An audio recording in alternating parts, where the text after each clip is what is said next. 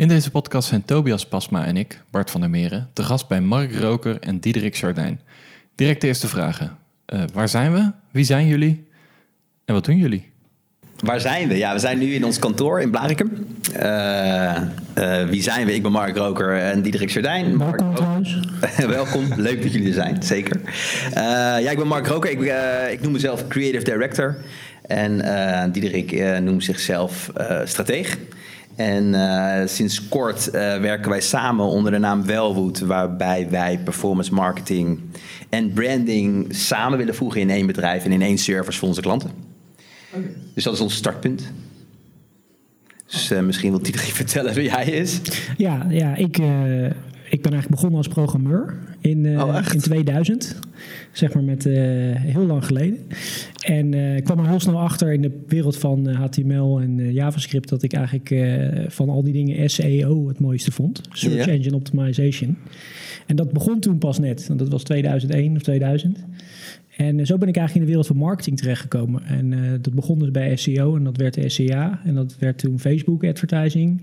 En dat werd toen print advertising, want dat kwam er ook uh, dat kwam er opeens bij. Van nou, we willen ook de offline wel doen. Oh, zo, ja, oké. En uh, de, ik ben dus zeg maar de hele tijd achter alle opportunities aangelopen die groei faciliteren. Ja. Vanuit een technisch perspectief. En zo ben ik op een gegeven moment in Amerika terechtgekomen bij in Silicon Valley ja. in 2007 als uh, zelfgenoemde titel Head of Growth. Wat ah, toen nog geen ding was. En, nu en inmiddels is dat heel erg wel, ding. Ja. ja. En uh, ja, heb ik daar uh, heel veel met growth-achtige technieken en methodes heb ik verkend. Ja. En uh, ja, toen kom ik op een gegeven moment in 2014 terug in Nederland. Toen bleek ik een growth hacker te zijn. Ah, en toen, uh, ja. ja. toen begon iedereen aan mijn arm te trekken. en uh, toen heb ik een tijdje voor een online casino gewerkt. En daar heb ik gegrowth hacked. Oké, ja. En dat ging heel goed. En toen kwam ik er eigenlijk achter dat growth hacken wel leuk is, maar dat het een soort doodlopende straat is waar je in zit. Want op een gegeven moment heb je het helemaal uitgeoptimaliseerd. Ja. Dan heb je de cost of acquisition helemaal omlaag gekregen. Ja. En dan denk je, hey, ik zet die uh, paid advertising eens even een maandje uit. En dan valt alles in één keer weg. Ah, en niemand kent je merk, niemand weet wie je bent, niemand wil ook niks met je te maken hebben. Totdat je die uh, brandweerslang weer aanzet van de paid advertising.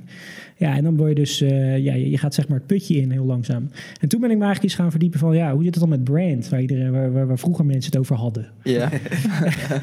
en toen kwam ik Mark Roker tegen en die heeft mij wegwijs gemaakt in de wereld van brand. En toen gingen we een nieuwe wereld voor me open. Toen dacht ik, hé, hey, als ik dat maar weet te combineren, dan heb je het beste van beide werelden. En ik, ik ah, kom wel helemaal van de andere kant. Ik kom echt van de, uit de creativiteit. Dus ik ben echt academisch... Uh, uh, doorgestrompeld. We begonnen met, uh, ik wilde gewoon foto's doen. Ik wilde gewoon, ja, ik wilde de wereld rondreizen met de camera. Ja, ja, en toen kwam ik op de academie in Den Haag uh, terecht. En toen was het zo van, oh, zijn dit je vakantiefoto's? Leuk. Maar ja, dat gaan we nu zo helemaal anders doen. Dus ja, toen kwam ik in één keer achter dat de creativiteit dan een hele andere kant kent. En uh, daar ben ik via de fotografie op de academie in Den Haag uiteindelijk terechtgekomen. daar heb ik twee jaar gedaan. Toen kwam ik bij visuele communicatie terecht op de Willem de Koning Academie in Rotterdam. Ja. Toen ik daar illustreren gaan doen. Toen heb ik dat twee jaar gedaan. En uh, toen dacht ik, hmm, want op de academie in Den Haag was het echt nog doka-werk. was gewoon nog. Wat is doka-werk? Ja, toen had je nog niet de digitale camera. Ja. Klinkt ook wel alsof ik al heel lang bezig ben. Ik wou zeggen, maat, hoe oud ben je? Ja, ben ik? Dat zou ik niet zeggen, maar uh, van voor de tijd van de technologie. Toen ik, op, de, toen ik in de, op Den Haag was, echt wel een van de beste academies van Nederland. Uh, het zat ook nog op een apart, uh, op was een fototechnische vakschool, was dat ook nog een afdeling. Maar dat was gewoon nog technologie, was gewoon nog echt niet bij fotografie. Dat was een, negatief scannertje. Ja. Uh, daar kon je, kon je net een klein hokje waar kon je je negatieve inscannen. En je kon uh, een digitale camera, zo'n dikke grote plastic uh, digitale camera, die kon je lenen. Ja. Maar voor de rest was het gewoon, de leraren die vonden gewoon dat je de doken heen moest. En dat je foto's moest kunnen ontwikkelen chemisch. Dus ik zat op een zolderkamertje met cola flessen vol chemie en dichtgeplakte ramen. Zat ik daar die, wow. die, die, foto's, die negatief te ontwikkelen. Dat was gewoon echt niet mijn ding. Ik wilde gewoon beeld maken. Ik wilde ja. de tekst overheen zetten. Ja. kwam ik eigenlijk later pas achter toen de computer echt zijn intrede deed, dat dat is wat ik zocht. Maar ik was gewoon net te vroeg op die academie. dus ik strandde ook echt eh, op die academie in de techniek, zeg maar. Omdat Ja. ik wilde gewoon beeld maken, maar ik wilde niet een eh, laborant zijn. Nou, toen ging ik naar de academie in eh, de Willem de Koning Academie in Rotterdam. Mhm. En toen zat ik op een gegeven moment te aquarelleren in Blijdorp. en toen dacht Oh, ik, fuck, dit wil ik ook niet. Daar strandde ik ook. en toen, ja, toen moest ik me echt even af gaan vragen wat ik allemaal aan het doen was en wat ik nou eigenlijk wilde. Maar toen kwam ik via de krant een klein advertentietje tegen om een DTP-opleiding te doen. en dat was Quark Express, eh, Illustrator en nou, ja, dat waren zeg maar de eerste digitale Ah, oké. programma's. Ja, Illustrator. Dat... Eh, Illustrator, maar Quark Express was een voorloper van InDesign. En eh, die heb ik toen gedaan. En toen kwam ik als DTP'er bij een ontwerpbureau in Den Haag terecht. Ja. En daar mocht ik als stagiaire aan de slag. En toen kregen ze de vraag of ze mee wilden pitchen naar de nieuwe huisstijl van het gemeentemuseum. Een museum voor actuele kunst. Ja. Mocht ik ook meedoen. En uiteindelijk won mijn idee ook nog. Oh, te nice. toen dacht ik, hey, ik ben DTP'er. Volgens mij, dit is wat ik moet doen. dus eh, toen, eh, niet veel later ben ik voor mezelf begonnen. Heb ik 15 jaar lang, ben ik onder de naam Los, gewoon onafhankelijk, vrij... eh, een freelance eh, creatief ge- geweest. Ja. Ehm, totdat ik inderdaad ook erachter kwam. Want ik alle stadia doorlopen, reclamebureau nog gewerkt. Eh, echt van grafisch ontwerp. Dat je dus het verhaal van een bedrijf moet vangen in één plaatje. Wat een logo Ja. is. Wat ik voor dat museum dus heel snel al door had. Als je gewoon heel goed verbindt met de inhoud van je klant. Ja. En je vat dat zo eh, in de essentie samen in één beeld. Dan kan je iemand raken. En eh, Ja. ja, dat, dat had ik toen door. En dat heb ik helemaal in die 15 jaar uitgenast. En dat was dan alleen logo-design of dat was ook brochure? Ja, het gaat erom dat een klant die bij jou komt en die Ja. wil een creatie van je. En dan kan je samen met hem dat hele proces doorlopen in mooi en lelijk. Of je kan hem eerst vragen, nou, wie ben je? Wat wil je? En dan ga je je atelier in en dan maak je wat hij nodig heeft. Ja. Ja, en dat trucje, zeg maar, dat je niet maakt wat iemand vraagt, maar wat iemand nodig heeft. Daar heb ik 15 jaar op zitten broeden. En, eh, en eh, ja, daar ben ik, dat, dat heb ik voor gemeentes gedaan. Voor straten, voor gebouwen, voor merken, voor bedrijven, voor individuen. En, eh, maar op een gegeven moment kwam ik er wel achter dat als je dat dus die verdieping ingaat en je gaat heel diep navragen wie iemand is, en daar kom je dan ook achter en dan mag je dat formuleren in tekst. Eh, dan eindig je met een document onder in de la. En om dat dan ook echt de wereld in te helpen, daar is nog iets meer nodig. Dus het gaat niet alleen maar over die essentie. Het gaat er uiteindelijk om dat je dat vat in beeld, maar dat je daar ook resultaten aan koppelt. En toen kwam ik Diederik tegen en die was heel erg van het resultaat. En dat was Ja. iets wat ik miste. Dus na die 15 jaar kwamen wij dus... Hij kwam van de ene kant vanuit heel veel resultaat, maar ja, geen verdieping. En ik kwam vanuit alleen maar verdieping, maar geen resultaat. Ja. Eh, ja, en dat kwam zo bij elkaar. En toen dachten we, ja, dat moeten we gewoon samen gaan voegen. Ja, en wanneer was dat? Ja, dat was, nou ja, wanneer was dat? We kwamen elkaar 2017 of zo. Mid, mid 2017. Eh, toen werkte ik voor dat, eh, dat online casino. En toen eh, had ik dat, ik had dat helemaal plat geoptimaliseerd. En de, de cost of acquisition was bijna nul. En eh, ik had echt de knallen. duizenden leads per dag kwamen er op een gegeven moment binnen. En toen dacht ik van ja, wat kan ik nu? Dat is nou de next step. En ik dacht de next step is dat ik zorg dat als de paid marketing teruggeschroefd wordt, dat het door blijft rollen. Ja. Maar die groei. Ja. En eh, ja, toen ging ik kijken naar ja, hoe zit dat dan? Is het herkenbaar wat we hier hebben? Dus als ik het uitzet, weten mensen dan nog wat het was? En toen ging ik naar het logo kijken en toen begon ik daarover na te denken. En ik, ik heb me daar eigenlijk nooit mee bezig gehouden, terwijl ik uit een hele creatieve achtergrond kom. Van mijn vader is kunstenaar, mijn zus is modeontwerpster. Maar ik heb er altijd een beetje zo van eh, resultaat, performance, geld verdienen. En eh, ja, toen kwam Mark tegen en die had het helemaal uitgevat in een model. In een soort systeem wat heel duidelijk overdraagbaar is. Waar heel makkelijk kan uitleggen van... nou kijk, als je nou dit zegt dat je dit bent en dat dat je doel is... ja, dan is het authentiek als je, als je zo eruit zou zien. Ja. En dat heb ik hem toen heb ik hem gevraagd om dat uit te werken voor dat online casino. Ja, dat was. eh, ik, ik, mijn, mijn hoofd ontplofte, zeg maar. Dat ik, eh, dat ik zag wat hij maakte. En wat, wat ik dacht van als we dat kunnen maken voor dat casino. Ja, dan wordt het echt een merk. Dan wordt het echt een bedrijf. En dan blijft het niet een dingetje, maar dan wordt het echt een. een dan geeft het bestaansrecht. Ja. Buiten paid advertising om. Ja, ja.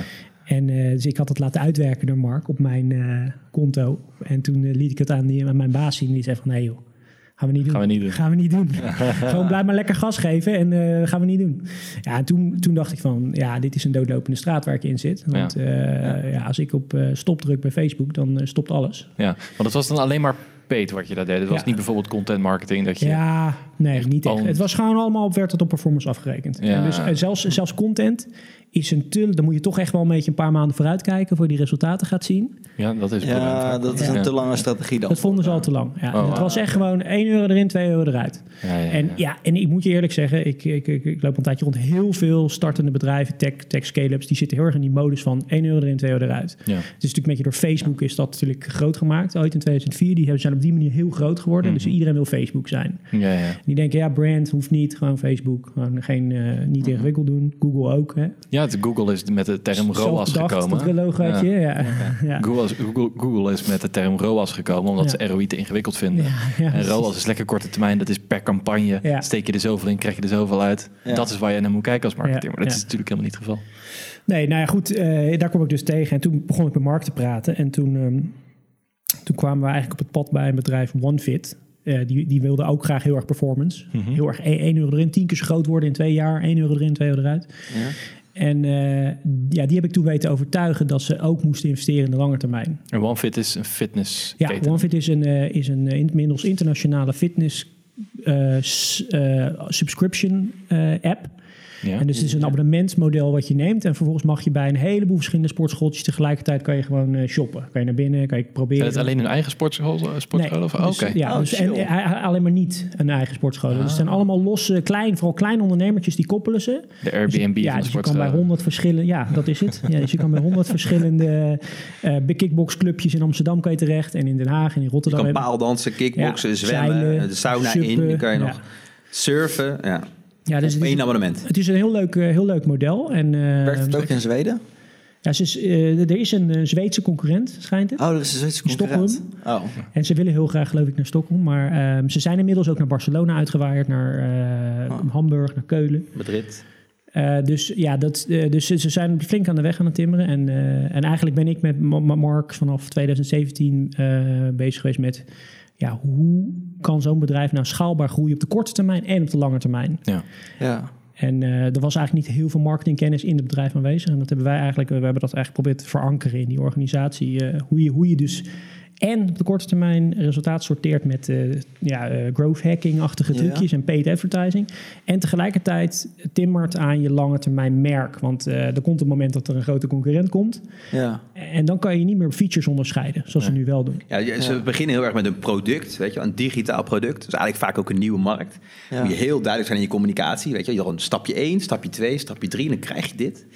Daarna worden ze een bedrijf en, dan, eh, en vervolgens komt de concurrentie. En dan moeten ze concurreren, niet alleen maar op hun product, maar dan moeten ze concurreren op meer. Ja. Van, dan moet hem gewoon een voorkeur krijgen voor een van de zoveel. En dan moet je ook heel erg een merk gaan worden. En die transformatie hebben wij hun geholpen. Ja. En even, maar, Wat de- cool. Misschien dat het dat voor jou, Marco, overkomt als een hele domme vraag. Waarschijnlijk. Want eh, ik, in jouw wereld, ik zit meer in de wereld van Diederik dan Ja. in jouw wereld. Ik ook. Maar eh, ja, eh, dus het, misschien dat het een beetje voelt als drie tegen één. nee, maar ehm, zit er dan ook, want mijn, mijn beeld is dan, oké, maar dan, dan is er een huisstijl handboek en er is een brand guide en dat is allemaal ontwikkeld. En dan is het toch van, oké, iedereen volgt die regels vanaf nu en dat jouw werk dan klaar is? Of, maar ik hoor net in het verhaal, zeg maar, continu blijven investeren in de ontwikkeling van het merk. Ik heb er helemaal geen beeld bij.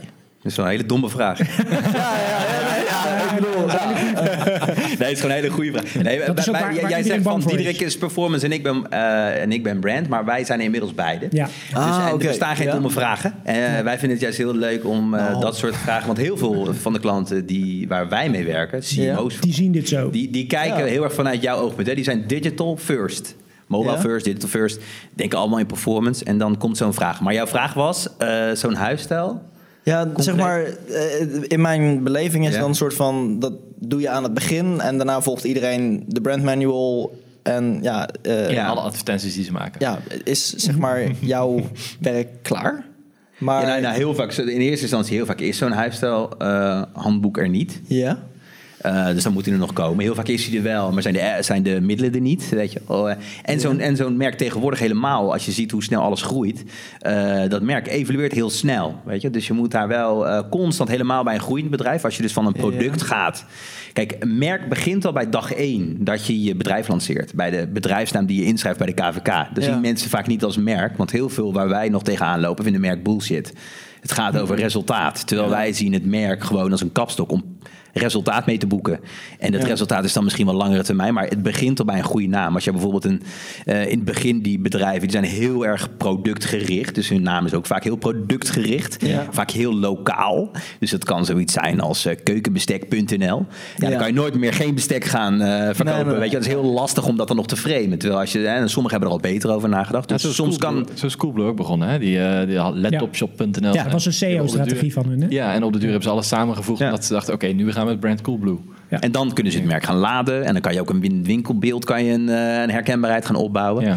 Nou ja, de, in ieder geval, uh, inderdaad, uh, er moet een huisstijl handgids komen als je dus bijvoorbeeld naar Madrid wil. En je wil naar Hamburg. En je wil een soort consistentie. Maar je wil ook niet alleen maar consistentie. Hè? Het oude merk denken, dat overal alles hetzelfde is.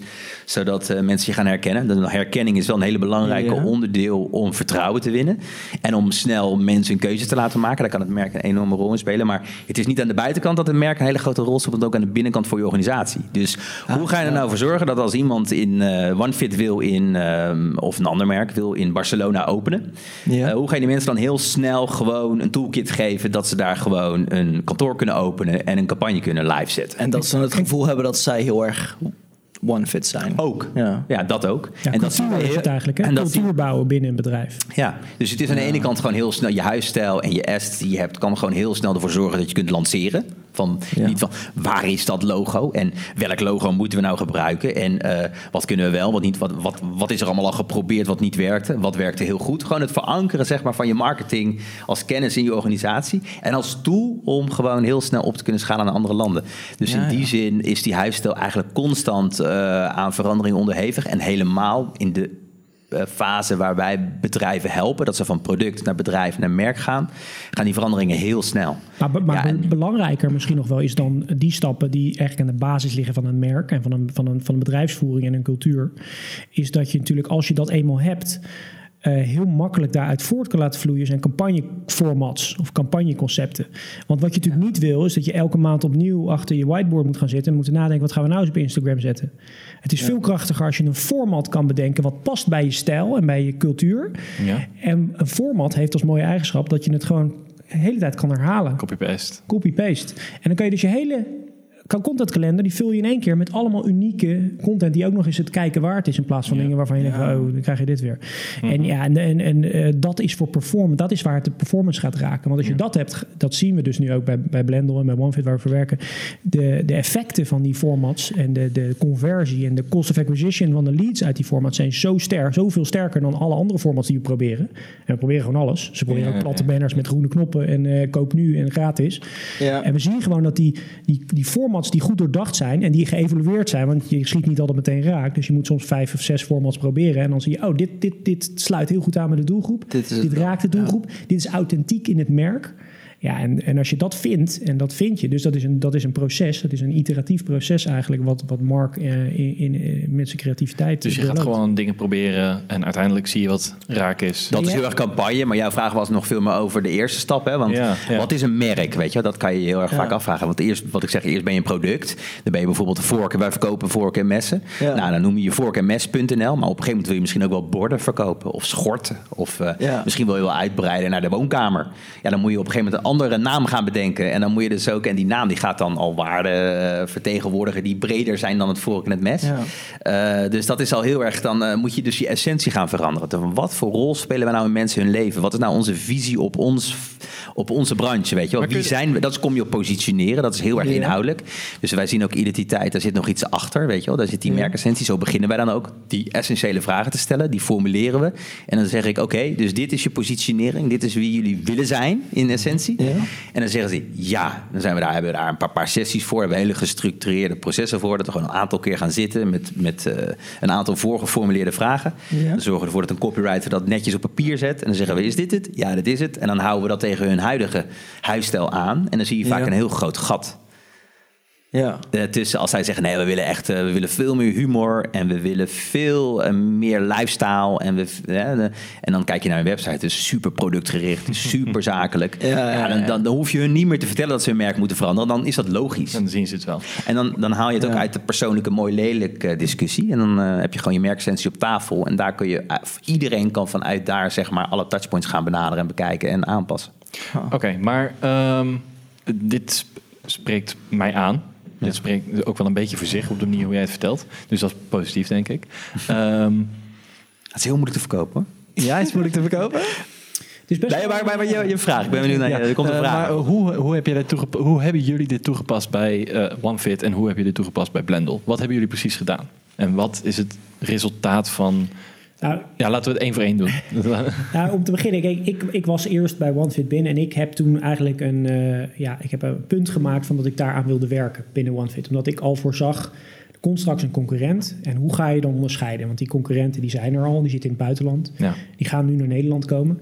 En dan, dan, kan je niet meer prijs onderscheiden, want ze zijn groter, hebben meer geld. En dus, nou, ik heb dat punt gemaakt. Dat was inderdaad een hard gevecht, want dat was echt wel moeilijk. Want het is een beetje het standpunt van, ja, een brandboek, uh, moeten er allemaal mee. Ja, dat is toch simpel en dat kost heel veel geld.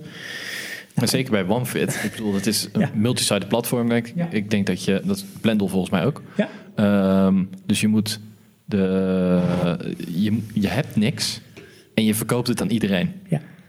En dan moet je je ergens mee gaan onderscheiden. En dat is inderdaad brand. Precies. Nou, en nou, dat was dus toch even goed een hele moeilijke uh, discussie. Nou, uiteindelijk hebben ze gezegd, nou vooruit, doe het dan maar. En heb ik Mark bij zich gehad. Mark heeft zijn proces uh, met de met founders en met mij daarbij hebben we doorlopen. Dus we hebben gevraagd, uh, waar kom je vandaan? Wat is je oorsprong? Wat is je visie over het bedrijf? Wat ben je aan het fixen? Waarom, waar, wat, is je, je, wat is je bestaansrecht? Ja. Wat is je missie? Waar wil je naartoe? Ja, en als je die, vraag, aan die antwoorden die ze daarop gaven, die waren uh, dus hun missie was, um, ze willen eigenlijk de hele planeet fit maken. Ze willen iedereen, ze willen het heel laagdrempelig worden en heel leuk ma maken om fit te worden. Nou, als, je dat, als je dat alleen al even eruit trekt, hè, en dat is één antwoord op zeg maar, een reeks van zeg maar, tien vragen. Mm -hmm. En je houdt dat naast wat zij als stijl hadden. Ze hadden intern hadden ze hele grote posters aan de muur geplakt. En dat waren een beetje uh, basic fit-achtige posters. Dus sixpacks, strak, serieus kijkend, boksen. Voor wie ben je dan? Ja, ja. Dat, dat, dat, dat, dat clashte al meteen. Ja. En ah, ja. als je dat dus, als je die antwoorden, dus zij gaven, wij gaven die antwoorden niet, zij gaven die zelf, die founders. Ja. En als je dat dan daarnaast doet, alles wordt opeens zie van, oh, dat klopt niet. De website klopt niet meer, de interieur klopt niet meer, de campagnes kloppen niet meer. En uh, dat is dus het beginpunt dat je gaat zeggen: Oké, nu begrijpen we hoe onze interieur eruit moet zien, hoe onze website eruit, hoe onze app eruit moet zien. Ja. Uh, uh, ja, en dat is het beginpunt van eigenlijk het werk. Ja. En eigenlijk heel, wij hebben daar gewoon echt een, een heel makkelijk model voor gemaakt. Ja. Uh, waarbij wij zeggen brand element is ook niet het een of het ander. Heel veel mensen die vervallen dan heel veel helemaal in brand. Alles is brand of alles is performance. Wij zeggen nee, het is beide. Het is brand ja. en demand. Het is tegenwoordig en, en, en en continu. Dus cyclisch, weet je ja. en, en, wij benaderen dat heel erg. Wij hebben daar een soort van ringenmodel, uh, van een brand demand model voor gemaakt. Wat, waarbij we in ringen denken. Mm -hmm. En dat begint in het midden. Dat begint gewoon bij je essentie. Die het minst aan verandering onderhevig is. Ja. Van, uh, als, je, als je een boom de midden zaagt kan je gewoon de groei van die boom lezen aan de hand van de ringen die hij heeft opgebouwd. Maar in ieder geval, het begint bij die essentie. Vervolgens ga je naar de identiteit, visueel, verbaal. Dus hoe, wat is je look en feel en hoe klink je? Hoe in tekst en in beeld. Ja. Uh, die vertaal je naar je touchpoints. Dat zijn zeg maar de communicatiemiddelen die je langer dan een jaar gebruikt. Die vaststaan, waar mensen echt een herkenning in gaan ervaren. Dat is je app, je web, dat kan ook het interieur zijn. Ja, uh, socials waarschijnlijk je kanalen, ja. uh, je, je oont kanalen heel vaak. Uh, en dan vervolgens je campagne. En met je campagne raak je de markt. En dan is ja. het de truc dat de markt jou door al die laagjes heen zo ervaart zoals je in je diepste wezen bent. Ja. En dat kun je meten. dus je, je kunt brand awareness gaat daarover voor de langere termijn. Dus als jij biedt wat je je klanten belooft, uh, dan zit je heel dicht op je essentie. En dan heb je heel vaak hele kwalitatief blije klanten. Ja. Want, want als je, als je dat dus niet doet, als, als je essentie van wie je bent heel anders is dan hoe je uitstraalt, dan ben je onecht. Dan word je dus ervaren als nep. Ja. Dat is het ja. ergste dat er is in de marketing. Ja, en dan voor de lange termijn krijg je dan een soort van wantrouwen. En dan moet je dus heel veel investeren in je marketing... om ervoor te zorgen dat vertrouwen blijft. En dat mensen toch elke keer even terugkomen... om, een, uh, om, om ze tot aankoop te... Uh... ik kan me ook wel voorstellen dat het misschien niet meteen direct tot echt wantrouwen leidt... maar dat het gewoon net niet lekker voelt Net of zo. Dat, het VND-gevoel. Ja. Maar, maar, maar, bij, ik zeg maar als je een beetje als je je in brand verdiept, dan snap je dat er achter gevoelens eigenlijk hele rationale motivaties zitten. Die, die patronen kun je gewoon aanwijzen. Dus jouw gevoel wat jij nog hebt bij brand. Hè, wat, wat, het gaat, en dat is een beetje zeg maar, wat wij ook samenbrengen. Dat, dat je brand en die mens, het gaat ook heel vaak over emotie en ratio. En het gaat ook heel erg vaak over kwaliteit en kwantiteit. Hè, die twee uitersten. Maar die kunnen elkaar heel erg helpen als je ook je, de moeite neemt om te kijken welke argumenten je hebt om kwaliteit uh, tot uiting te laten komen of te investeren in kwaliteit. Ja. ja. En, en die discussie is gewoon heel interessant. Dus gevoel, als je zegt, nou, het, het gevoel, uh, zeg maar, het gevoel proberen wij soms te duiden in vijf karaktereigenschappen voor je merk. Als je dat mm -hmm. kan, en dat is wel echt moeilijk hoor, want je, je, die, je maakt die klanten, ja. oh ja, je, we maken het zo, ik maak het zo vaak ook super moeilijk. Ja, Ga jij maar eens even vijf karaktereigenschappen van jezelf definiëren, waar zo meteen 50 mensen vorm aan gaan geven. En daar dwingen wij onze klanten toe. Want als je daarbij, als je dat proces even doorloopt vanuit de kern van de organisatie, kun je heel veel tegenstellingen die je anders gewoon tegenkomt in al je creatieve processen, uit de weg werken. Dat als je zegt, wij zijn dit, weet je wel. Als je, als je niet elke keer onderweg de discussie hebt. Ja, maar het is veel te zakelijk. Ja, maar ik wil creatief. Mm. Ja, maar ik wil... Weet je, als je gewoon denkt, nou, dit is het merk. Laten we vanuit het merk denken. Past dit dan bij die merkdefinitie? Ja, ja, ja. dan heb je een hele andere discussie. En dan kun je dus heel snel opschalen daarna. Maar, het is wel, het is wel, het vergt een hele... Ik vind dit wel, ik vind dit wel heel interessant. Want... Um, nu, jij vertelt, ik, ik wil de klanten leren heel erg vanuit het merk te denken. Terwijl ik vaak bezig ben met mijn klant om wat meer vanuit de klant te denken. En is dat dan de eerste stap? Je gaat eerst kijken, oké, we richten ons op deze klanten. Dan gaan we kijken of ons brand erbij past. En daar houden we ons aan vast. Ja, wat wij doen, dus zeg maar, je, wij denken vanuit binnen naar buiten. Brand. En we denken van buiten naar binnen, demand. Dat, dat vertegenwoordig ik meestal. Dus, dus ja, we, dat is zeg maar het proces zoals wij het doen. Hè. Dus we benaderen het meteen vanuit twee kanten. Dus bijvoorbeeld even heel praktisch Blendel. Ja. Uh, we begonnen bij Blendel. Uh, daar ben ik, uh, nou tenminste ook samen met Diederik... maar wij zijn samen zeg maar in ieder geval met Alexander gaan zitten... om eens te ondervragen waar het merk voor staat. Ja. Waar hij, en het, het zijn zeg maar de gesprekken die je altijd hebt met iemand... waar je echt in geïnteresseerd bent. Dan ga je gewoon, waar kom je vandaan? Weet je wel, wat is nou het karakter? Weet je wel, probeer dan achter te komen. Ja, en waarom waarom doe je dit, je visie, weet je En, en waar, waar, streef je nou naar dan? Dat is je missie. En dan, maar wat beloof je dan je klanten? Is je promise, weet je Dat gewoon echt is eigenlijk een natuurlijk gesprek. Uh, maar wij hebben dat gewoon gestructureerd. Want er zit gewoon een patroon in. Je kan nu, als je die gesprekken gewoon honderd keer gedaan hebt, dan merk je gewoon, ja, het gaat altijd. Als ik nou zeg maar het niet zeg en ik zit gewoon in een gesprek met iemand en ik ben net zo geïnteresseerd, dan kan ik zo afvinken welke vragen er allemaal beantwoord. En meestal zijn het gewoon die vragen. dus die patronen, als je je daarin verdiept, zitten gewoon patronen in, die lopen af. En tegelijkertijd, terwijl Mark dat aan het ondervragen is, ben ik data aan het analyseren. Dus hij gaat van Diederik, die, dus ik ben van binnen naar buiten aan het werken. Dus heel erg kwalitatief eigenlijk onderzoek met de ondernemer. Maar ik verdiep me ook. Wij vragen altijd als eerste gewoon: uh, kunnen jullie even onze, eh, onze, jullie schoenendoos sturen? Want er zijn altijd McCann, er zijn altijd strategiedocumenten van weet ik van wie allemaal. Allemaal strategiedocumenten die ergens onder in de la liggen. Dus we kijken ook naar de schoenendoos, die vragen we op. Ja? We kijken naar CRM-data, we kijken in Analytics, we kijken Facebook Insights. En dan gaat Diederik die gaat inderdaad ook die marktdata analyseren. Third-party data. En ik verzamel dat. Ik, ik haal daar Doelgroeponderzoek. Uh... En ik breng die inzichten in tijdens die discussie met die klant. Ah, oké. Dus je doet daar eerst verzamelen. Terwijl jij input van de ondernemer, haal jij... Meestal duurt het een maand. Ja, aan het dus wij gaan, wij gaan ja. zeggen en aan het... En ik, ik, ik, ik, ik, ik, ik confronteer Mark, maar ook die oprichters en die CEO's met de marktdata tegelijkertijd met hun essentiële vragen. En dat doen we heel uh, bewust. Dus we doen zeg maar, we gaan eerst, kijk, je, je kunt natuurlijk met data beginnen, doet iedereen. Dan ben je constant achteruit aan het kijken. En wij gaan heel erg naar binnen. Dus uh, we gaan heel erg de diepte in.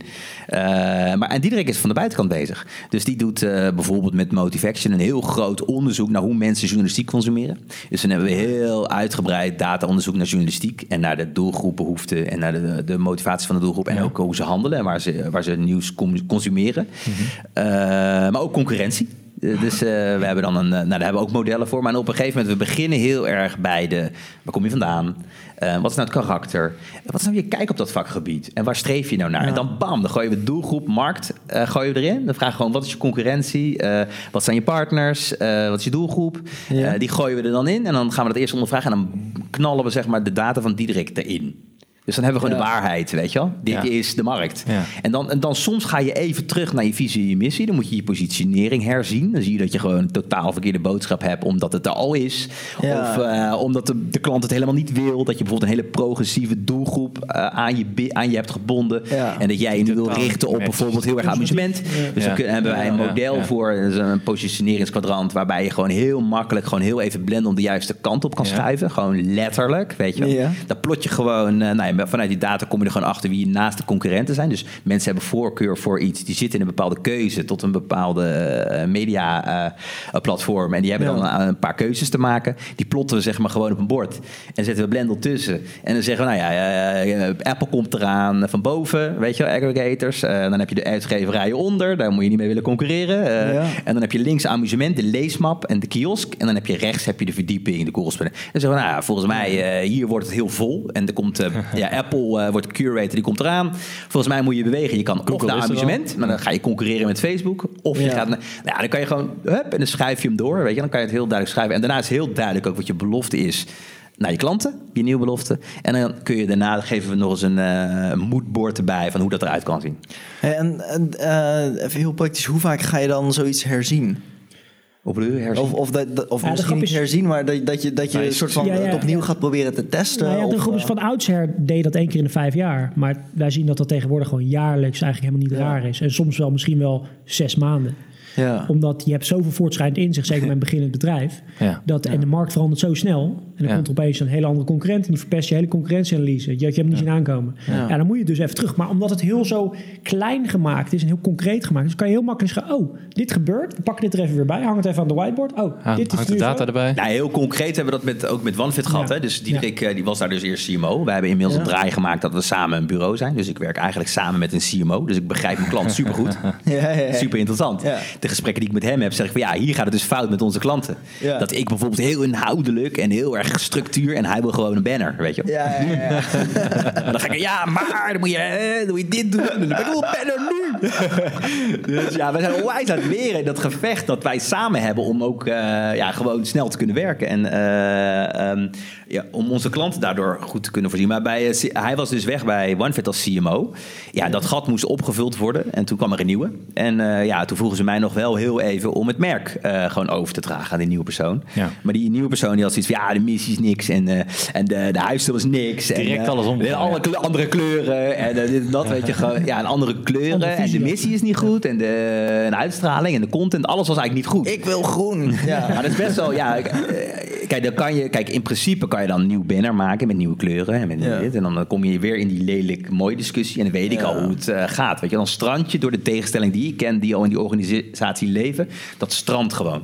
Als je dat gaat doen. Dus ik, dan zeg ik van, nou ja, weet je, dit hebben we geformuleerd. Dit is de processen. Als je de, en de missie en de kleuren en de brandguide en alles wil veranderen, dan moet je even terug naar het begin. Weet je? Dan moet je echt de missie, moet je in de essentie aanpassen. En dan weet ik wel, dat is een zware kluif. Want dan moet je dat via de CMO weer bij de founders er doorheen krijgen. Nou ja, als je de patronen kent. Wij zitten nu dat wij de patronen herkennen. En nu is nog de kunst om dat soepeltjes, zeg maar, bij iedereen er doorheen te krijgen. Dat je ze niet ja, een soort overdonderd met die patronen en kennis en, en rationele. Ja, uh, maar nu is het wel interessant wat jij vertelt. Jij bent dus eigenlijk als externe ook bezig met het bewaken juist van de identiteit van het bedrijf. Als externe. Ja. Het is best moeilijk, omdat ja. het een externe positie Ja, wij denken dat het juist beter is als je het extern doet. Omdat als je intern, als je extern bent, dan, dan kom je binnen een organisatie en eigenlijk is alles verbazingwekkend en verwonderlijk. Waarom doe je dit? Waarom doe je dat? Ik schie je heel scherp dan. Je hebt eigenlijk een soort, je krijgt een soort, ja, het is heel duidelijk wat er raar is. Zoals je in zo'n organisatie bent, binnen zes maanden ben je onderdeel van de organisatie. Ben je onderdeel van het probleem. En dan zie je het niet meer. Dan denk je, ja, dat, zo doen we dat altijd toch? En dit is toch normaal? En daarom is dat juist, merk ik, dat... Uh, uh, ik heb dan vaker in een organisatie gezeten. Mark, Mark al 15 jaar kijkt altijd van buiten naar binnen in een organisatie. En gaat zich dan vereenzelvigen met zo'n organisatie. Ja, en kan daardoor heel snel zeg maar, de problemen herkennen. En als je erin zit, is het juist moeilijker, denk ik.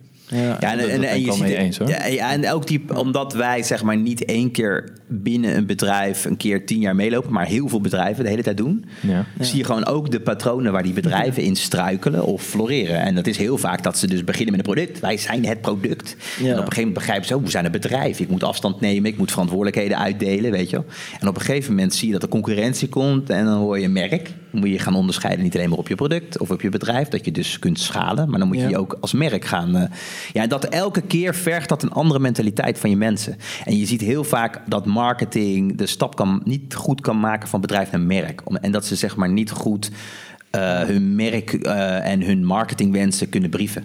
En, en, en zou elk bedrijf uh, loopt elk bedrijf die cyclus door? Ja. Of, oké, ja, nou, top.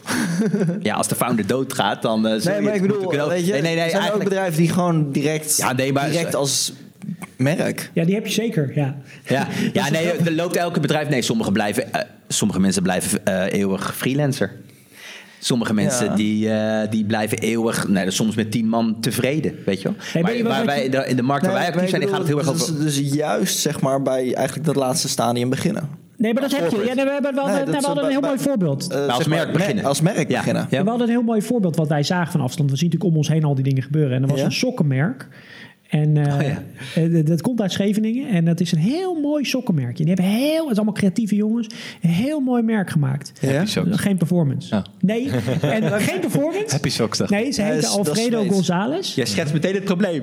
en, en, die hadden dus een heel mooi merk, maar geen performance. Dat vonden ze een beetje naar en vies. En ja. ja, Niet leuk. Coole mensen. En toen kwam Happy Socks. En die blies ze weg in één keer. Met ja, ja. Gewoon bijna kopie. Die kopie en paste gewoon het merk. En oh, serieus? Ja, ongeveer. En, en die blies ze gewoon weg met performance. Dus het is heel belangrijk dat het en-en is. Hè? Ja. Oh ja, dat is wel je vraag. Ja, er zijn mensen die meteen als merk beginnen. Ja. ja. Vooral creatieven doen dat. Ja, nee, ja. ja. oké. Dus dat is heel gevaarlijk. Alleen dan zijn vaak de creatieven ook het merk. Hoe bedoel dus ja, dan is het niet een overdraagbaar merk, maar de mensen die het maken zijn het merk. Ja. Snap je? Ja, ja, ja. Dus je hebt gewoon heel veel talentvolle mensen, weet je En die maken al die shit als uit een soort van nature. Maar uh, Happy Socks heeft een manier gevonden hoe ze het kunnen benaderen, maar in een systeem wat ze gewoon groter kunnen maken. Ja, ja. bijvoorbeeld. Dus, ja, dus zeg maar, de art director is bijvoorbeeld super talentvol bij Alfredo González. En de copywriter en het hele team wat ze om zich heen hebben, zijn allemaal super creatieve mensen die daar energie, uh, inspiratie uit putten en daar een bijdrage aan willen leveren. Die gratis op fotoshoots meegaan, weet ik wat. Zo, dat merk groeit echt zo van binnenuit alleen maar. Maar uiteindelijk kunnen ze die stap naar opschalen niet maken, zeg maar. Omdat ze dan, ze kunnen het niet diep brieven en uh, ze kunnen het zeg maar niet uh, ja. buiten die talenten die ze dan aanboren uh, groter maken. En dat was bij Blendel in principe ook het geval. Dat Alexander gewoon bij de wereldrijd door ging zitten en iedere keer vertellen van wow, dit is Blendel, vet.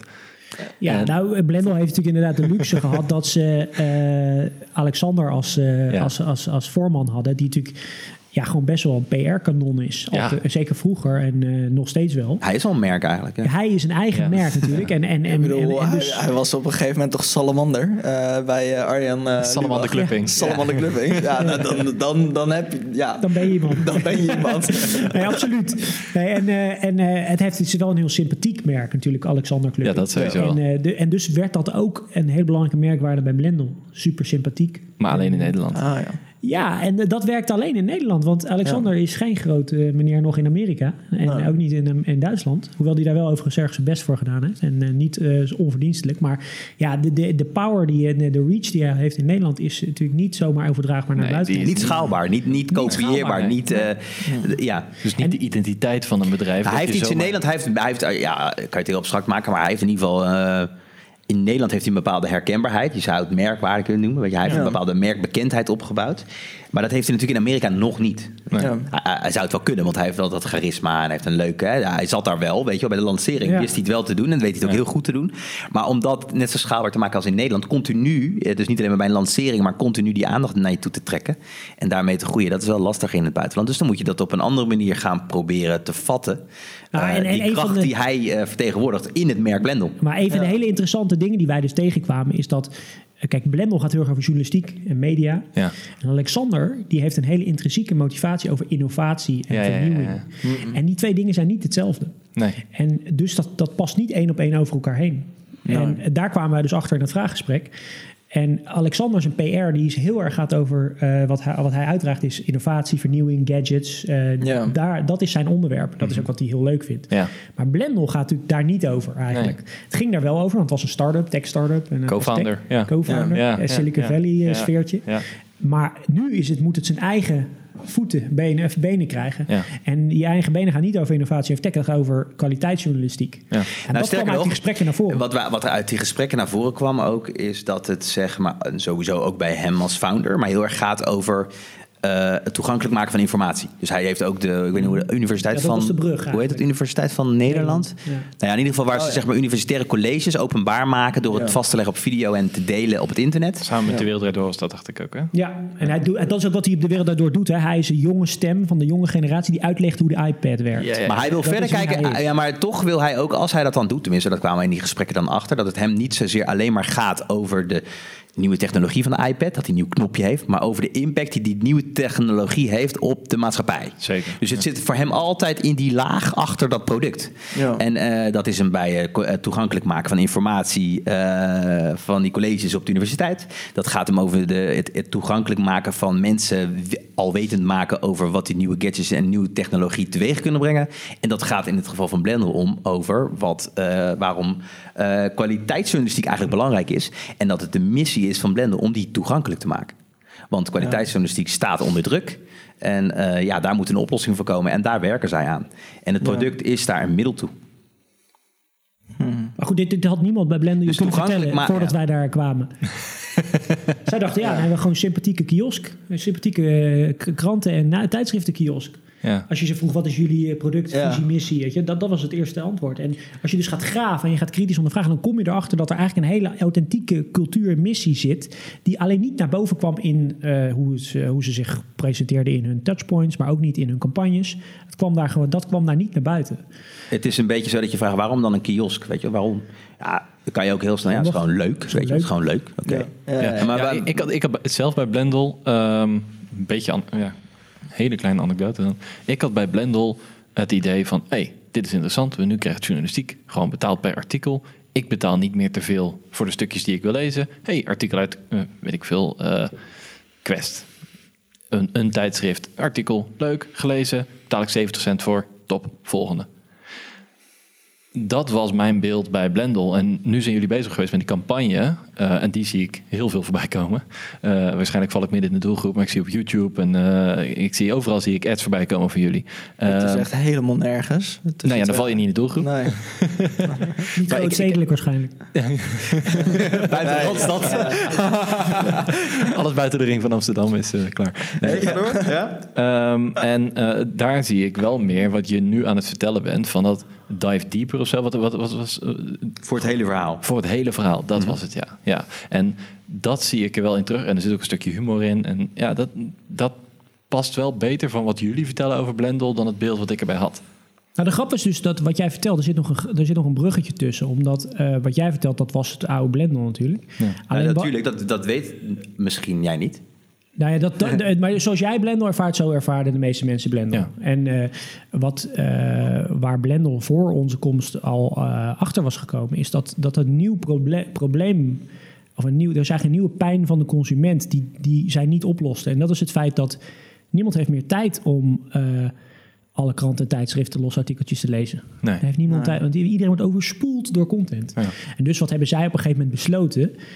We gaan dat cureren. Dus we gaan gewoon gaan kiezen wat het beste voor jou is, wat jij leuk vindt. En dan geven je alleen dat in de vorm van een premium. Uh, ja, ja. Ja, En uh, ja, die draai, bovenop het feit dat dat merk dus een beetje diffuus was, mm -hmm. maakte dat het heel moeilijk werd om dat uit te leggen, dat verhaal. Nee, ja. Dus dat hebben wij samengevat met die payoff uh, na die gesprekken het, voor het hele verhaal. Ja. Nou als je inderdaad gewoon de, ook de oorsprong van Blendel ondervraagt, gewoon de, de, de, de, de rode draad probeert te ontdekken van waar ze vandaan komen, waar ze staan en waar ze naartoe willen dan toen ze lanceerden was het een hele mooi uh, verhaal dat je zei van ja, je hoeft niet een abonnement te nemen, je hoeft ook niet de krant te kopen, maar je koopt gewoon één artikeltje.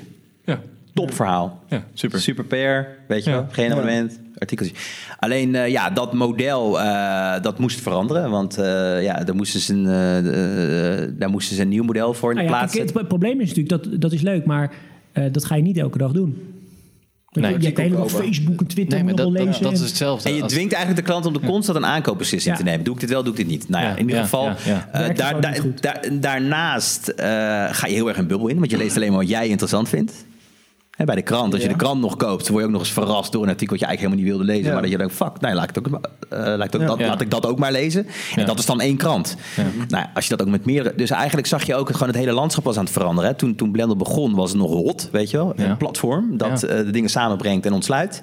Uh, tech en nieuw en jong. maar op een gegeven moment werd het verdacht, weet je wel. Airbnb, Uber, Facebook. Dus daar kwamen ook een ander daglicht, fake nieuws. Filterbubbel. Dus filterbubbel. En ze dachten, ja, maar eigenlijk creëren we een filterbubbel door alleen maar die artikeltjes die jij leuk vindt te lezen en aan te raden aan jouw kennissen. Want dat was het allereerste model. Dat je gewoon een artikel deelt met je vrienden en zegt: Dit moet je ook lezen. En dat zijn natuurlijk vrienden. En dan krijg je inderdaad krijg je zo'n heel eendimensionaal beeld van de werkelijkheid. En toen ondervroegen we dat ook. Ja, waar gaat het nou eigenlijk over? Wil je amusement of zo? Of wil je, dat heb je toch op Facebook al? Nee, we willen, hij vindt het wel echt belangrijk om informatie te ontsluiten. Om, en goede informatie laat zich gewoon, die beroept zich gewoon op verschillende bronnen. En uh, dat is kwaliteitsjournalistiek. Maar het gaat er wel om dat je geen uitgeverij wordt in een zwarte stropdas en een zwart pak. Die zegt dit, zo ziet de wereld in elkaar. Dat je vanuit een zeil, zeg maar als uitgever, gaat bepalen hoe jij moet lezen. Nee, je wil gewoon verschillende bronnen. En dat bied je aan als curator. En dan zeg je, nou lees dit eens, maar lees ook dit artikel eens. En kijk eens hoe dit standpunt is. Dus Blender gaat over die mix van bronnen die je samenbrengt op één platform. Die ervoor zorgt dat jij uh, niet alleen krijgt wat je vraagt, maar ook wat je nodig hebt. Dus uh, verschillende artikelen vanuit verschillende hoeken. Ja, en dat verhaal moest op een nieuwe manier verteld worden. Ja. Dus, van, dus uh, paper artikel, dat kwam te vervallen. Er kwam een premium abonnement waar Blender dus een hele duidelijk, ook in het positioneringsverhaal, uh, een curerende rol. is nog niet vervallen, hè, dat paper artikel. Oh, dat, nee, dat, is er nog steeds. Ik, ik dacht van, oké, okay, dit heb ik echt helemaal gemist. Nee, het is nu, het is, maar, maar, maar, ja, beide. Ja, ja, en dat, dat het beide is, is best wel uh, verwarrend, verwarrend, daarom zeg ik het ook niet. op een gegeven moment moet je, volgens mij moet je op een gegeven moment gewoon zitten. Nee, het is een nieuwe tijdsgeest en uh, wij, onze aanbod past veel beter bij de huidige tijdsgeest. Dat je dus maar dat verhaal moet wel eerst verteld worden. Voordat je dat wegneemt, je zegt, nou, het mag niet meer, moet je wel eerst heel uitleggen waarom dat helemaal niet praktisch is voor mensen. Omdat mensen denken wel dat het heel fijn is om los artikelen nou, Er zijn heel veel mensen die Blendel al kennen en het al gebruiken. En die moet je het nog uitleggen. Er zijn ook heel veel mensen die het nog helemaal niet kennen. En dan moet je gewoon volblazen met het nieuwe verhaal. En dat is dus dat je. En wat is dan de toegevoegde waarde? Zo hebben wij het wel heel erg benaderd, ook vanuit die positioning. Wat is dan het verhaal wat je brengt om mensen in deze tijd uh, te verleiden tot, het, uh, ja, tot een abonnement van Blendel? En uh, waar concurreer je dan naast? Nou ja, je concurreert wel met de content die je op Facebook tegenkomt. Google uh, Nieuws. Je, ik gebruik Google Nieuws heel erg veel. Maar ja, Google Nieuws. Uh, ja, dan zeker je, niet het hele verhaal. Apple Nieuws. Gewoon even de left swipe op je iPhone of op je telefoon. Ja, daar concurreer je mee. En wat, wat bied je daar dan voor? right swipe. Bing Nieuws? Ja, mocht je een Microsoft Launcher gebruiken op een Android-toestel, ja. dan is het swipe naar rechts. heb je Bing Nieuws. Niet heel goed. Ik, wou, ik wou zeggen, ik, ik heb de launcher, maar ik gebruik het echt niet. Het slaat, het sluit totaal niet aan bij waar ik uh, in geïnteresseerd ben. Doe me Google, MSN doe Google Nieuws het beter. Ja, ik ja. MSN Nieuws is het. heb je MSN, uh, de oude MSN Nieuws heb je dan. En dat is echt, ja, dat, dat is van de, van de Internet Explorer landingspagina, startpagina. Dat, uh, ja. Wauw. En als je drie rondjes draait, dan krijg je AOL. Sorry. Dat is uit mijn tijd. Nee, maar... Um, dus ja, Blendel onderscheidt zich daarin. Jullie hebben dat verhaal verteld. Um, en uh, wat zouden jullie... Uh, want jullie richten je echt op tech startups. En als ik het zo hoor, OneFit, Blendel, multi-sided platforms. Is dat een niche waar jullie voor gekozen? Ja, dat is niet echt een niche, maar het is... Uh, ja, denk dat, nou, is wel geen ja, wij kiezen heel bewust voor... Wij willen echt ground, zoals wij dat noemen, groundbreaking companies willen wij helpen. Dus wij willen niet bedrijven die ze status quo proberen te bewaken... en gewoon meer van hetzelfde het liefst hebben. En wij willen echt bedrijven die iets proberen te veranderen. Ja. Uh, en, en dat zit je al snel tegenwoordig in de 2019 de tech sector natuurlijk. Maar niet uitsluitend. Dus uh, we kijken ook naar andere, we praten ook met andere bedrijven. Maar uh, ja, de afgelopen tijd zijn wij uitsluitend met OneFit en Blendel bezig geweest. Ja. En um, ja, wij zijn nu aan het uh, rondkijken uh, wie we nog meer gaan helpen. Maar we willen dus absoluut, we, we, zijn niet erg erg op zoek naar bedrijven die gewoon alleen maar status quo willen bewaken. Want dat zijn heel veel grote bedrijven. De, die hebben al merk. De Unilever hoeft niet te bellen. Nee, die hebben al merk, die hebben al uh, performance. Dat snappen ze allemaal. En die, die willen dat gewoon ja, 1% beter maken. En dat is voor ons, daar zit geen uitdaging in. Nee. Wij, wij vinden het zeg maar die groeisprong, wanneer die groeisprong het grootst wordt, is als je het dus ja die, die bedrijven die wij nu geholpen hebben, die kun je echt helpen met zo'n groeisprong te maken. Ja. Die moet echt volwassen worden. Echt het upscalen. Het upscalen, ja. En dat zit wel heel erg dat je, niet, dat je niet begint met iets en dat je dan iets wil, maar dat je dus bent begonnen. Ja. En je, je merkt dat mensen je product willen. En je merkt alleen maar dat je gewoon nu het, uh, ja, dat je gewoon net iets groter moet worden om nog meer klanten te bereiken. En dat je mm kunt blijven, uh, je product kunt blijven vernieuwen zonder constant nieuwe investeringen nodig te hebben. Ja. Dus dat je een volwassen bedrijf wordt, mm -hmm. waar uiteindelijk een beheerder in kan.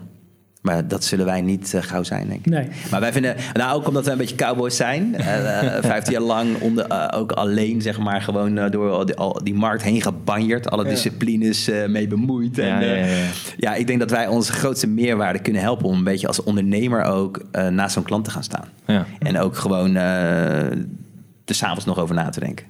Heel vervelend ook voor klanten. Maar het kan ze heel erg helpen. En wij vinden het vooral heel, ja, heel leuk. Ja ja, Vind je het niet ook heel vervelend voor jezelf? Ik betrap me er zelf wel eens op dat ik... Ik word ochtends eigenlijk altijd heel vroeg wakker. en dat ik dan soms gewoon direct aansta. En als dat een paar dagen achter elkaar gebeurt... Vind ik dat, kan ik me er zelf echt aan, aan storen. Ja. Dat ik zeg maar wakker word en geen momenten rust heb. uh, maar direct...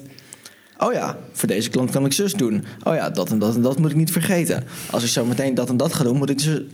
Ja, wij zijn nu zelf een beetje. Wij zijn zeg maar wat wij klanten de hele tijd vertellen. Want je moet. Je moet kijk, wij, wij, zijn de hele tijd gewoon ook naar onszelf aan het kijken. Hoe kunnen wij de klant nou nog beter helpen? Waarom loopt het met deze klant niet zoals we willen? Weet je Ja, zo zijn we de hele tijd. In het begin dachten we, we gaan alleen maar strategie doen. Weet je Alleen maar strategie.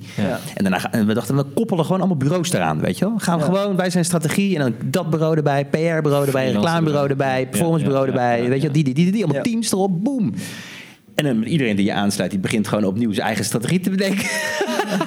en dan heb je jou niet nodig. En dan sta je daar gewoon aan de kant, weet je. Dus nu hebben we zoiets, ja, weet je, dat is leuk voor die klant. Voelt even goed. Maar ja, in principe, als je niet vanuit één strategie consistent bouwt aan je, aan je, aan je marketing, ja, dan eh, wordt het nog niks. Dus nu hebben we zoiets van, wij moeten ook groeien. Wij moeten ook mensen aannemen. En wij moeten ook elk bureau gaat een strategie maken. Ja, ja. maar niet alleen een bureau. Kijk, elke freelancer. Ja, ook. Ja, ja. Ja. En, en, zeg maar, dus, dus de vraag van, denk je niet de hele, de hele dag ga je wel eens uit? In deze fase niet. Maar wij zijn nu dus ook voor onszelf aan het nadenken. Ja, waar, waar is die direct nou echt goed in? Waar ben ik nou echt goed in? Wie hebben we er nou bij nodig? Wij hebben bijvoorbeeld iemand echt, want zeg maar, als je strategie helpt, je moet ook het proces kunnen sturen. Ja. ja. En uh, ja, daar, moet, daar hebben we dus nu iemand ook bij betrokken. Uh, Marcia, ja, super goed. Ja, die, uh, die heeft, al veel, die heeft ook bij Vijs uh, net uh, lang gewerkt. En dat oh, ja. is echt wel een bedrijf waar wij graag naar kijken ook. Ja. Uh, tof bedrijf vinden. Gewoon heel erg content-based. Ja. En ja, we weten wel een goede snaar te raken, zeg maar. Dus dat je niet alleen maar sales banners knalt, maar je gewoon met content, zeg maar, mensen aan je bindt. Ik weet niet of het het verdienmodel... Nou ja, daar moet, kunnen we nog wel veel van leren in ieder geval. Maar in ieder geval, dat betekent wel dat je je processen goed op orde moet hebben. En ja, dat hebben wij heel erg nodig. Dus over, zijn, over, over brand gesproken. Ik vind dat Vice, dat is even off-topic misschien, maar ik vind Vice in Nederland compleet anders dan Vice in Amerika. Ja, absoluut. En wat ja. dan? Ik vind Vice in Nederland, uh, in Amerika hebben ze het over grote topics. En in Nederland hebben ze het over heel erg, uh, althans, wereldwijde, on, uh, zeker Vice op HBO bijvoorbeeld. Dat is echt, vind ik een fantastisch programma. Dan duiken ze gewoon in verhalen bij grenzen die je nog nooit, waar je nog nooit van gehoord hebt, over onderwerpen waar je nog nooit van gehoord hebt. En de duiken ze echt super diep in. Heel cool. Um, maar in Nederland zijn ze een beetje ja, niche dingetjes. Een beetje welke programma's ken je underground. Uh, nou ja, dat zie ik dan op Facebook voorbij komen van, van Vice. En Viceland of, uh, op tv? Ja, Viceland heb ik nog nooit gezien. je kijkt geen tv. Nee, kijkt niemand ik kijk geen tv. Nee. Volgens mij ben ik de enige die naar kijkt. Wij probeerden te adverteren op Viceland voor uh, Blendel. En toen kregen we het antwoord: nee, nee, nu niet. Daar zit onze niet nu. niet op. Nee, nee, toen zei Viceland van nee, niet nu. Oh? Nee, hoeft niet. Nee, dat was het antwoord. Oh, wow. ja.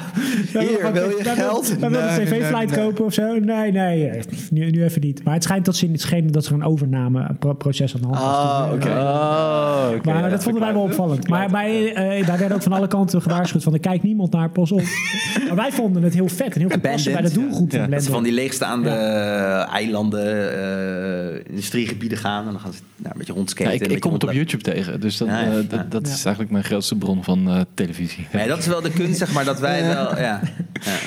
ja wat, hoe, wat vinden jullie daarvan, als ik jullie een vraag mag stellen? Want uh, ik kom heel vaak in die discussie van tv. We kijken er nog mensen naar. Kijken jonge mensen naar tv. Ik heb en, geen tv. Nee, dat zegt iedereen nee, altijd. Nee. Alleen, uh, ik lees ook heel veel onderzoeken. En uh, onlangs ook weer. En heel veel boeken ook daarover. En daar staat juist weer dat, ja, dat dat juist heel goed werkt. Ook qua performance. Ja? Ja. Ja, nou, ik, ja, ik, ik uh, zit er nog in een soort van onderzoekspaneltje waarbij je dan weer een bol.com bon kan verdienen, zeg maar. Uh, en dan de 9 van de 10 keer krijg je dan vragenlijsten naar me toegestuurd van... Heb je deze... Uh, bekijk dit filmpje. Heb je dit gezien van de Karwei of van de Gamma of van de weet ik veel wat? ik heb ze nooit gezien. uh, of van Steamroll of van... Maar dat, dat zijn dus inderdaad... Televisiereclames. TV-reclames. Dus echt een tv-reclame... Nee, daar kom ik gewoon echt niet tegen. Maar ik denk wel dat als jij... Maar een YouTube-pre-roll... Ja, ja, ja, ja. man, ik kan ze, ik kan serieus... Nou, ik, ik kan ze volgens mij bijna opnoemen welke pre-rolls ik op dit moment krijg. En wat scherm kijk jij s'avonds naar? Uh, Na het werk? Deze laptop, uh, tablet. Uh, je hebt geen screen meer ergens op een kastje staan? Nee. Aan de nee. muur? Nee. Nee, uh, ik zelf. Of telefoon. Uh, ik heb ook geen televisie aan de muur hangen. Uh, omdat mijn vrouw het lelijk vindt in de huiskamer. Dan moeten ze dan alle banken en zo op inrichten. Yeah. Vindt ze irritant. Dus er zou eigenlijk op de plek waar nu mijn kantoor is. zou een televisie komen en er zou een grote bank komen. Nou, hebben jullie dan nog screen dus mijn kantoor. of niet? Ja, we zetten de laptop op tafel, een laptop op tafel en dan uh, kijken we een, een Netflix-serie of Peppa Pig. Peppa Pig. het begint als ik bij Bart thuis kom en hij wil zijn laptop aandoen, begint altijd Peppa Pig te spelen. Ja, ja ik gebruik mijn laptop niet heel veel, omdat ik altijd op desktop op kantoor werk en uh, de laptop wordt het meeste gebruikt voor de filmpjes van mijn kleine. Ja, dus ja, dat Peppa Pig. Peppa Pig. Kijk, uh, maar ik kijk ook echt verschrikkelijk veel op mijn telefoon. Ja, ik ook. Echt verschrikkelijk veel. Ja, ik zie dat ook in mijn screentime op iPhone. Er staat er uh, vijf uur per dag in. Ja, ja, ja, ja, dat is echt, uh, dat is echt dramatisch. Uh, dus. En ik, kijk veel op, ik kijk veel op LinkedIn. Ik kijk ja? veel video's op LinkedIn. Ja. Ja. ja. ja. ja de grap is, we hebben dus we hadden een, een, een soort tv-commercial voor Blender gemaakt. En die hadden we tegelijkertijd op tv, op YouTube pre-roll en op uitzending gemist geplaatst. Ja. En daar kom je er niet omheen, omheen hè? Nee. Nee, daar kom je niet omheen. Nee. Ook Facebook en ook Snapchat en ook Twitter. Ja. Overal uitgezet. Ja, dat werkt. Ja, maar ja, de grap is, uh, als je die online dingen uitzet, dan verandert er eigenlijk niet zo heel veel in het resultaat. Okay. Maar die tv, dat maakt echt uit. Ja? Ja, dat maakt echt uit. Ja? Ja, het is bizar. Wauw. En ja. kun je dan ook, want op je, op je website weet je wie de doelgroep op Ja, dus het nadeel is, als je YouTube je ziet precies, oh, die komt van YouTube. Ja. En bij tv niet. Nee. Maar je ziet gewoon je direct verkeer, zie je gewoon zo omhoog of omlaag aan als tv aangaat. Ja, en wat, is, wat voor personen zijn dat dan, de demografie? De, ja, de, de, de uh, van alles. Uh, ja. ik, ik, heb niet de cijfers hier voor mijn neus. Maar nee, nee, nee, de, je ziet gewoon algemeen het bezoek omhoog gaan en de conversie met tv. Wow. En omlaag gaan als je het uitzet. Maar bij YouTube en uh, bij Facebook en al die kanalen, ook uit, zelfs uitgesteld bereid, dus uitzending gemist, heb je veel minder dat effect. En dat verbaasde zelfs mij. Ja. Maar ik, ik, ik heb dat wel door. Ik hoor dat iedereen zeggen. Dus ik preek ook heel veel mensen, anderen ook adverteerders. Die zeggen ook, ja, tv werkt supergoed. Ja. en ben, als ik dus mensen vraag ja. in de doelgroep, die zeggen altijd, nee, kijk nooit tv, kijk nee. tv. Dat is heel nee. raar, heel duaal. Wat raar. Ja. ja, nou ja, ik kan me wel voorstellen dat als jij alleen op je laptop of in ieder geval in je browser YouTube kijkt. Ik heb een adblocker, dus ik zie nul pre-rolls op mijn PC. Ja, dat toch. Ah, maar op mijn telefoon ja. kijk ik veel en daar ja, in YouTube app zit niet echt een adblocker. Dus sterker nog, uh, maar, liever niet zeggen ze dan. Heb je, uh, ja, jij hebt natuurlijk ook geen tv-aansluiting in je huis. Nee, nee, nee. Uh, of tenminste, waarschijnlijk wel in je huis, maar niet actief. Volgens mij is het dichtgesmeerd. Toch zich al Dichtgesmeerd, ja. ik heb glasvezel. Dus, uh, ja. Maar Netflix ook niet? Ja, Netflix heb ik wel. Ja, ja. Op je laptop? Op mijn laptop, ja. Ja, ja. ja, het is eigenlijk echt totaal geen fijne ervaring. Dus ik kan het niemand aanraden. Maar, je, nou, waarom niet? nou ja, het is veel te klein, geen geluid. ik geen geluid? Ja, het is, het, het is, ja, nee, ik, ik, zou het niemand aanraden. Maar ja, het is de situatie. Nou, op een gegeven moment moet je gewoon... Ja, tv denk je ook nog echt aan tv. Maar het is ook gewoon een screen aan je muur. Het is gewoon een groot, een groot scherm. Je en iedereen heeft een Chromecast in streamen via... De, maar ja, ik, ik, heb, ik heb dus wel een tv in huis, één. En die heeft geen, die heeft geen uh, analoge tv aan, geen kabel. Nee, nee. Wel gewoon Netflix zit ingebouwd in die tv. Zit ingebouwd in die tv, die Netflix-app. Uh, en dat is het enige wat ik gebruik. En ja. er zit ook NPO ja. Start en zo. Oh, ja, ja, ja, En dat gebruik ik. Dus ik kijk geen tv, maar ik kijk wel naar een tv. Ja, ja, nee, dat, dat, is inderdaad... Uh, ja, je kijkt niet meer dus... Hmm. Gewoon uh, heel raar nog steeds dat er grenzen zijn tussen die verschillende schermen, blijkbaar. Dat tv denk je echt nog aan, en dat kijk ik op een tv. Ja, nee, ik zit altijd... Het is niet zo dat je dezelfde... Ik heb gewoon content en die kan je toch op je mobiel, op je laptop... Ik, ik, ik kijk ook vaak tv op het grote scherm en dan tegelijkertijd YouTube op uh, telefoon. nee, jullie dat doen? Doen jullie dat niet? Twitter.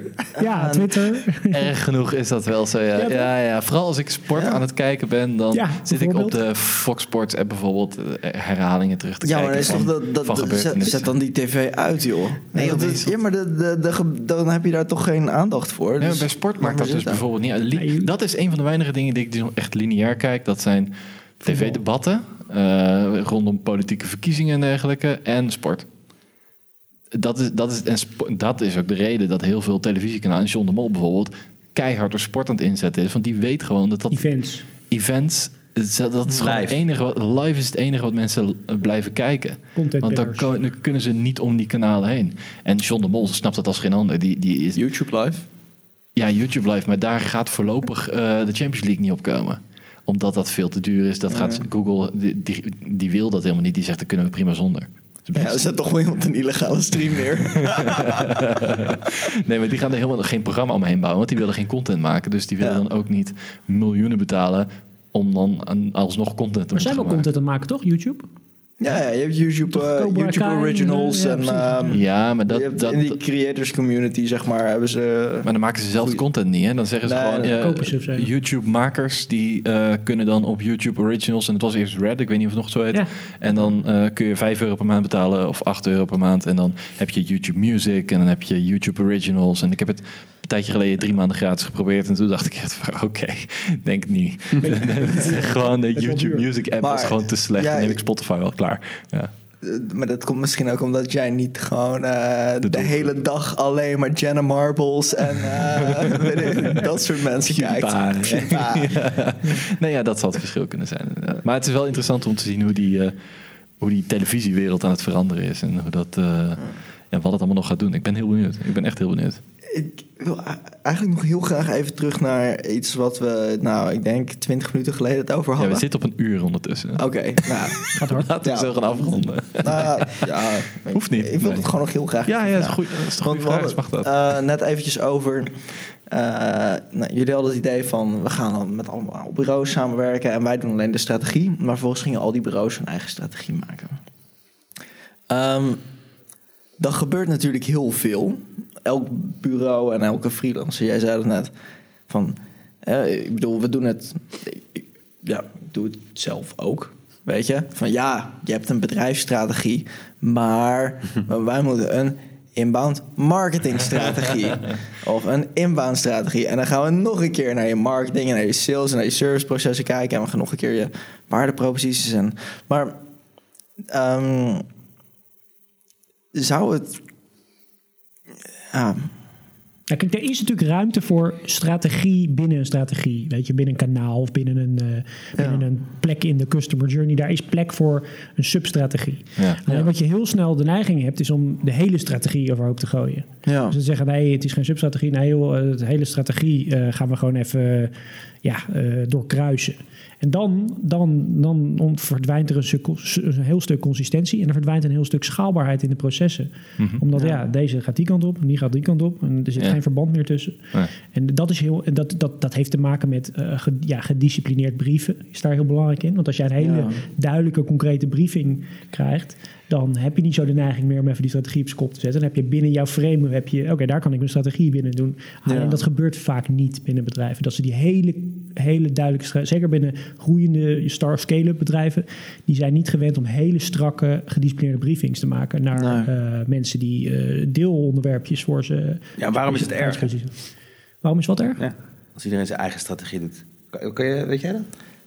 Nou, om, omdat je vervolgens dus weer geen consistentie meer hebt. Want bureau 1 kijkt naar, uh, gaat op basis van uh, gesprekken met uh, de servicemedewerkers de, een bepaald beeld van de klant samenstellen. En de ander doet het op basis van een stuk data-analyse. En de volgende doet het op basis van klantinterviews met vijf klanten. En de vierde doet het op basis van een enquête die ze uitsturen. En allemaal krijg je een beeld van de klant. En dat, niemand heeft dan de waarheid. Ja, beetje, wat maakt dat uit? Het verhaal dat je vertelt is dan anders, toch? Ja. ja. En wat maakt dat uit? Dat probeer ik dan soms. Wat maakt dat uit? Wat maakt het dan uit? Dus vertel, ja, de, nou, de, nou de, het eerste grote nadeel is dat je dus uh, dat er vier keer vier keer soort van hetzelfde werk gedaan wordt, maar vier keer niet goed. Ja. Nou, dat lijkt me wel een probleem. Ja, en je zet niet alles in op die klant die echt bij je past. Want iedereen gaat een andere kant op, blijkbaar. Ja, ja. dat lijkt me tricky. Ja. Het is een beetje het verhaal van met een vergrootglas naar een olifant kijken en iedereen beschrijft dat ding op een andere manier. Maar zeg maar, als je het allemaal vanuit één strategie doet, dan moet je een soort dictator zijn van de strategie, weet je? Ja. Ja, ja. Die rol willen wij graag. dat dictatorschap, dat ligt ons wel. Maar dat is ook heel vermoeiend. Nee, we proberen er nu alles aan te doen om op die stoel en de troon te blijven. Nee, maar ja, nee, dit, is precies wat er gebeurt. Weet je. Het is gewoon schieten met hagelwonders. Ja. Uh, gewoon uh, en dan uh, kijken wat er blijft plakken. En dat kan je één keer doen, en dat kan je twee keer doen. Maar als je dat constant blijft doen, dan weet je nooit wanneer je raakgeschoten hebt. En dan kun je nooit echt goed optimaliseren. Dus dan blijf je maar proberen. Dan blijf je altijd maar in die experimentele fase hangen. Hm. ja. Heb je nu nog iets waar je uh, de luisteraars mee wil geven? Uh, dat heb ik wel veel gezegd al. Dus, uh, het is een heleboel gezegd, ja. ja meestal, meestal vragen we aan het einde om iets van een, een call to action. Of ja, wie is jullie doelgroep? Heb je een doelgroep? Marketing mensen, ja. CMO's en zo. Heb je een oh, tip voor alle marketeers in tuinen? Ja, ja, ja. Nou ja, weet je... Uh, of de marketeer van de guinen. Ga dit boek lezen. Nou, wat... wat, wat, we zijn met een boek bezig. Ja, moeten ze gaan lezen. Ja, ja, we zijn met een boek bezig. Nice. Dat gaat over brand en demand. Dus het gaat zeg maar... Voor, je ziet heel vaak golfbewegingen. Dat er komt er een marketeer die denkt heel erg in brand. En dan komt er daarna weer een, eh, als een bondscoach. Die wordt aan de kant gegooid. En dan gaat het heel erg over demand. Ja, ja. En wij zeggen van probeer nou eens door beide brillen te kijken. Dat zijn wij heel erg aan het doen. Uh-huh. Eh, en daar hebben we dus nu onze methodiek, zijn we nu aan het opschrijven waarom we die methodiek hanteren. En hoe we proberen uh, de regie te pakken met elkaar. Dus niet als één dictator, maar met elkaar. Uh-huh. En elkaar aan te vullen. En uh, we willen tegen alle CMO's van Nederland zeggen van als je daar geïnteresseerd in bent, neem contact met ons op. Ja, ja, ja. ja. ja dat, dat, dat, is precies sluit aan wat ik wil zeggen. Want wat, wat ik iedereen mee zou willen geven is... Uh, iedereen denkt wel dat ze brand en demand doen, maar meestal is het of vanuit een performance bril of vanuit een merkbril. En dan is de, het andere is bijzaak. En het is, het is heel moeilijk om die twee gelijkwaardig te maken. Dat, dat kost heel veel moeite. Dat geeft heel veel vrevel en discussie. En, en, en de meeste mensen gaan het uit de weg, die confrontatie. Maar als je door die confrontatie heen gaat, dan komt er echt hele mooie. Ja, en dat en we, zeg maar in onze kern ligt er nog echt iets onder. En dat het altijd is: het gaat of voor kwantiteit en resultaat, of om kwaliteit. En eh, ik zeg wel eens, kijk eens door het raam naar buiten en zie eens wat er in Nederland volgebouwd is met lelijke architectuur. dat, komt door al die performance marketeers. Ja, ja, en ik durfde, ik heb ook heel veel in de architectuur met kwaliteit, kijken hoe je dat uh, gestructureerd kon aanpakken, hoe je kwaliteit meetbaar maakt en dus mee laat wegen in alle keuzes die je maakt. Uh, ja, je moet dat gevecht aan willen gaan, want er komen gewoon echt hele mooie resultaten van als je dat samenvoegt. Cool. Tobias, jij hebt nog een vraag. Ja, nee, want um, ineens schoot door mijn hoofd. Uh, Coca-Cola die heeft dat een tijdje geleden.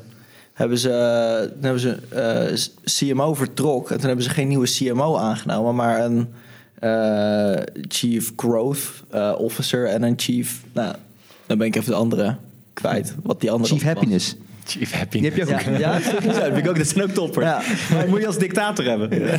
Dus die, die, die, die, die trokken daadwerkelijk bij hun intern dus eigenlijk dat brand en demand ja. uit elkaar. En die hebben gewoon geen CMO meer. Hmm. Coca-Cola. Wel interessant, want die moet het volgens mij helemaal van een brand hebben, toch? Vooral. Ja, precies. Ja, tuurlijk. Ja. Dat is alleen maar brand. Ja. ja.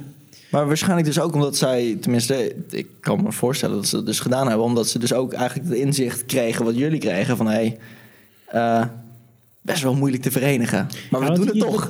Wat, je heel vaak ziet is een CMO's of heel performance of heel merkgericht. En uh, vaak zeggen ze wel van ja, ik ben allebei. Maar er is altijd eentje die het boventoon voert. En het is bij mij heel duidelijk performance, dus bij Mark heel duidelijk merk.